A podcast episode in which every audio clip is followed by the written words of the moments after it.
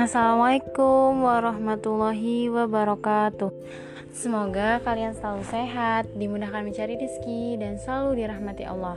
Pada podcast kali ini, saya akan berbagi tentang perspektif wanita di dalam Islam.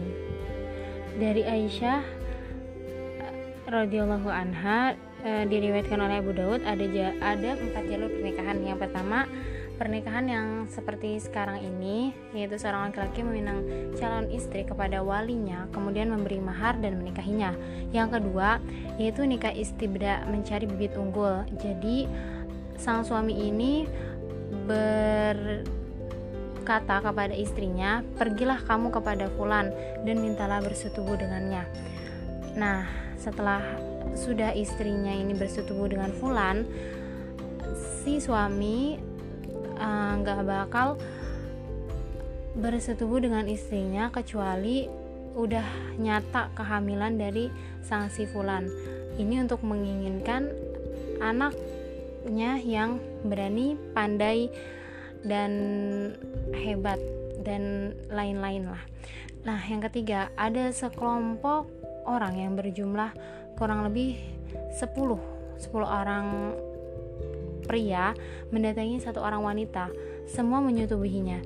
Dan apabila sudah hamil dan melahirkan anak, wanita tersebut mendatangi mereka yang telah menyetubuhinya dan tidak ada seorang pun dari mereka yang mampu menolak jikalau seorang wanita ini mm, sudah menisbatkan anak yang dilahirkannya kepada seseorang yang dia cintai di antara 10 orang itu.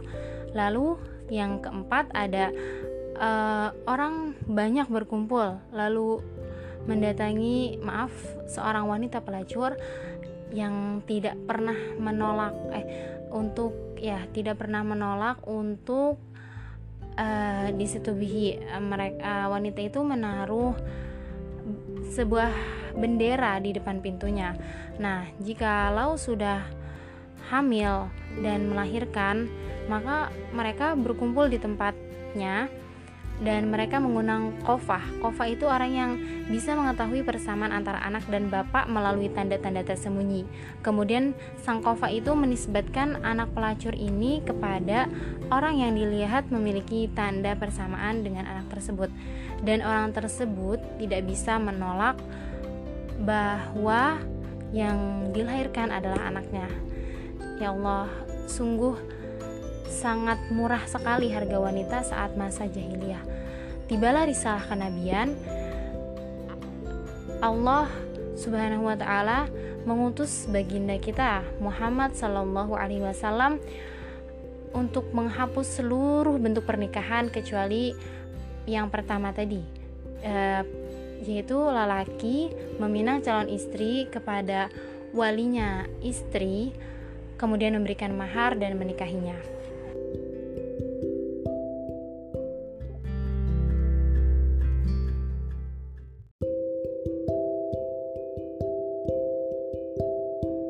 Dalam surat An-Nisa banyak menggambarkan tentang wanita karena untuk menghapus uh, segala perbuatan-perbuatan dan mindset-mindset orang-orang pada zaman jahiliyah. Jadi datangnya Islam membawa rahmat bagi wanita dan untuk menghasilkan uh, bahwa kita ini harus lahir dari nasab yang jelas, dari keturunan yang baik dan bisa dipertanggungjawabkan kebenarannya.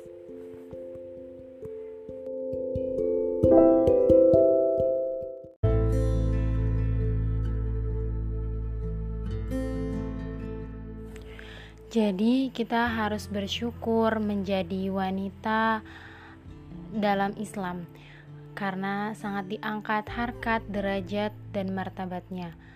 Ini tidak bisa digantikan oleh waktu, kondisi, dan zaman apa pun.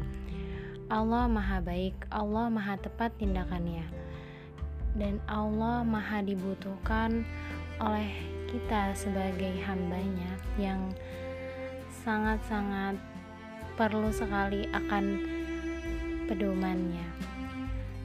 Jadi, walaupun masa lalu kita sudah suram, belum menjadi wanita yang sesuai dengan Islam, maka mulailah dari sekarang kita menata masa depan untuk menjadi wanita yang sesuai dengan Islam.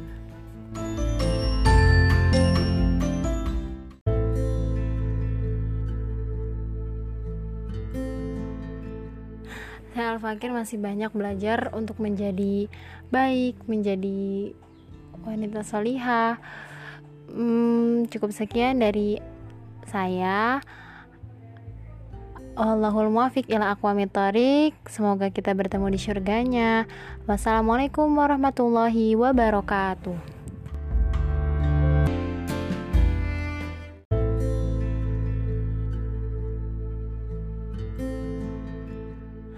Jadi, Islam sangat mengangkat derajat, harkat, dan martabat seorang wanita.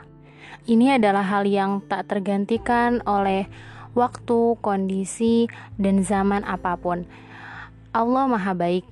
Allah Maha dibutuhkan oleh segala makhluk hidup, terlebih kita manusia yang pedoman kepada Al-Quran dan Sunnahnya.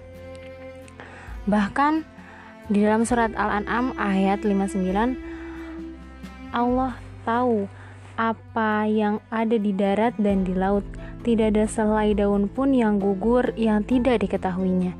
Dan di biji sebutir saja yang ada dalam kegelapan di dalam pasir di dasar laut dan ditutupi oleh awan kehitam-hitaman lalu turunlah hujan kemudian bergeser ke posisi yang lain Allah tahu itu dan saat merekam ini juga Allah tahu.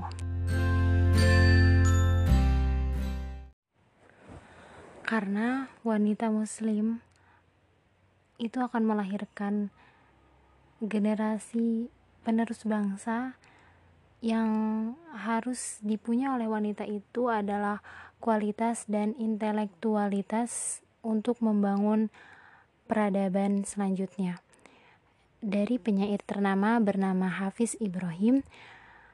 Dia berkata, Al-Ummu Madrasatil Ula, ibu adalah madrasah pertama. Jadi, wanita yang menjaga kehormatannya, menjaga lisannya, pakaiannya, dan semua gerak-gerik tingkah lakunya di dunia maya maupun maupun di dunia nyata itu akan melahirkan generasi bangsa yang sangat berkualitas. Dan ada juga hadis ada seorang laki-laki datang kepada Rasulullah dan berkata, "Wahai Rasulullah, kepada siapakah aku pertama kali harus berbakti?" Nabi wasallam menjawab, "Ibumu." Dan orang tersebut bertanya kembali, "Kemudian siapa lagi?" Nabi wasallam menjawab, "Ibumu." Orang itu bertanya lagi, Kemudian siapa lagi? Beliau menjawab, ibumu. Orang tersebut bertanya kembali, kemudian siapa lagi? Beliau menjawab, kemudian ayahmu. Hadis riwayat Bukhari. Nah, ibu pasti adalah seorang wanita. Jadi, kedudukan wanita itu tiga kali lebih mulia daripada uh, seorang ayah gitu ya. Ibu di sini maksud dari wanita tadi.